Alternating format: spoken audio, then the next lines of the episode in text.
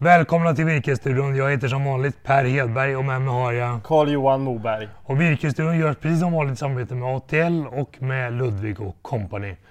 Vi har pratat en del om konjunkturen, massapriset och hur det spelar in. Och nu hör vi från lite höjdare i branschen att massapriset verkar bottnat ur och vara på väg uppåt. Hur påverkar det massaveden? Ja men det här är ju en sak som är spännande och direkt avgörande för skogsägarna egentligen eftersom att en hel del av det här virket man säljer blir ju då massaved och sen som blir process, process, eh, blir processen då blir massa. Eh, men det jag tycker kan vara intressant att, att prata om, för vi vet ju att massavedspriset är ju på historiskt sett höga nivåer. Eh, vi ser även under hösten här att man har lagt på lite premier i vissa aktörer. Premier och lite tillägg och sådant för att driva fram virket då. Och då har man gjort det då när då priset på den rena massan varit kanske som lägst. Så det ska bli intressant att se då om det här då som det ska göras på den fria liberala marknaden, att priset ska efter, efterspeglas efter till, tillgången, eller efterfrågan. Och då eh, hur, vad som kommer hända där då? Börjar man lägga på mer tillägg kommer priset höjas bara för att driva fram virket, för vi vet samtidigt att det är svårt att få fram virke. Är det svårt att få fram virke för att det varit lite varmt? För det har ändå varit ganska milt hittills i år i alla fall. Då? Ja, det tror jag inte spelar Visst, det har varit lite blött och så, självklart, som har påverkat verksamheten ute ut i skogen. Men inte i den grad, utan det som är att det är trögt att få fram virke för, för, för bolagen, det är ju att markägarna är delvis avvaktande. De vill veta vad som händer på marknaden. Och många sitter i en situation också där man har kanske avverkat mycket. Dels på grund av förbaskade granbarkborrar, men även kanske just för att man avverkat i en uppgående trend på virkespriserna.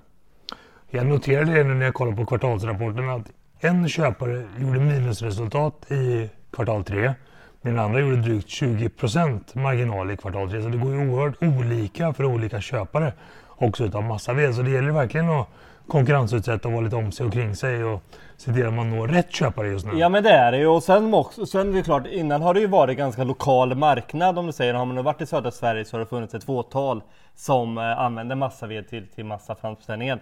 Men idag med de eh, flödena, logistikflödena som är på veden, både vad gäller den inhemska transporten då från norr till söder och från söder till norr, men även då från Sverige till, till, till, till kontinenten då. Så att alltså den, den lokala marknaden är ju global idag på ett helt annat sätt. Och på tal om kontinenten, om vi lägger med Polen i kontinenten, så har ju de haft ett jätteökande behov av massaved till energiproduktion. Och nu görs dessutom stadsaktionerna om i Polen, för i Polen så är ju 80-90 procent utav skogen ägs av staten så det är väldigt viktigt. Och de här stadsaktionerna ska göras om. Och det, det, det, får väldigt stor effekt också på FSC, visst är det så? Ja men det är det ju. Men kollar man på stadsaktionerna görs om, jag tror de är väldigt, eh, de som är vana att handla på det här sättet, där är lite ovana just nu för man vet inte riktigt hur det blir och de kan inte göra på samma sätt och kunna eh, säkra en viss del av sin råvara. Så det är lite, lite stökigt, lite shaky på marknaden där. Och sen samtidigt eh, så har vi pratat tidigare om det att Stadsskogen har ju tagit ett beslut på att lämna FSC. Som jag förstod det nu så är det bara en av de här olika stadsskogarna då, de är vindelare då, som, som är kvar FSC. Och det är då samtidigt då som kunderna, sågverken, då vill ha certifierat virke. Så det blir svårt och då är det klart, då finns vi i Sverige, vi har mycket certifierat virke, vi är bra på att sköta skog. Blir det då ett tips till skogsägare att se till att man är certifierad? Kommer man få mer premie framöver på certifierad skog än vad man får idag? Ja, men pratar man med alla liksom som, som jobbar i leden lite längre bort och med de som, som eh, när man gör till exempel bänkskivor och sådana saker, de vill ju ha certifierat virke. Så jag tycker alla gånger att man ska vara certifierad. Och det är väl också det sättet att man tar lite mer ansvar för sitt skogsbruk. För det vi har sett det senaste året egentligen är att premierna på virke har gått upp en 10 per kubikmeter. Så det är ingen, ingen radikal förändring men procentuellt så är det ändå mycket från 30 till 40 kronor då om man är dubbel Ja men det är det ju och sen kollar man på Södra som har också någon typ av certifiering. Du kan få naturvårdspremie också. Och det stärker ju också det omhändertagandet och skötseln av en skog. Ska vi ta och avsluta och prata lite grann om fastighetsmarknaden bara också? För den har ju ändå, det verkar som att det har lugnat ner sig lite grann. Räntan har stigit och fastighetsmarknaden har lugnat ner sig. Det pratas om att Akelius nästan har slutat köpa skog. De var ju väldigt aktiva för, för några år sedan.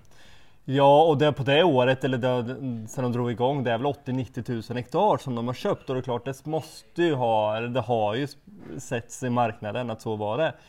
Eh, och sen är det klart nu, det tar lite längre tid som jag förstod det. Och du träffade ju Marcus då som är VD på Areal förra veckan och han vittnar väl lite om samma sak också.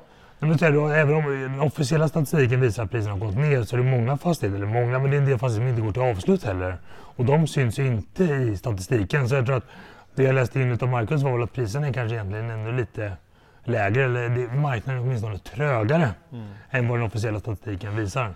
Och sen är det ju så att ja, men i den här situationen där vi sitter i är ju att det finns ju de som kanske ibland verkligen, verkligen, verkligen måste sälja sin skog. Eh, och då kanske de gör det då med mindre förtjänst än vad man hade väntat. Det kanske till och med är så att de nästan går back på för de måste göra sig av med det för att kanske lösa lån eller så. så att, som vanligt när det är en lågkonjunktur och det läget vi sitter i, de som har möjlighet att göra affärer kan ju göra bra affärer.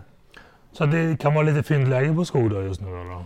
Ja, det, det, får man väl säga. Om inte annat så tror jag att det finns liksom ett utbud där ute som man verkligen ska titta. Och nu kanske det är så att du inte, om du är på jakt efter en skogsfastighet, då kanske du, inte, kanske du kan vara lite mer kräsen nu också. För att inte att det ska dras iväg en snabb budgivning. Nu kan du verkligen hitta den där fastigheten som du vill köpa. Titta på förutsättningarna, hur ligger det geografiskt? Dels liksom infrastrukturmässigt, men även hur det ligger i eh, eh, hur skogen är beskaffad och hur ser boniteten ut? Finns det rörligt markvatten? Eh, finns det kanske mer vatten på fastigheten också med sjöar och sådana saker som var värdefullt framöver?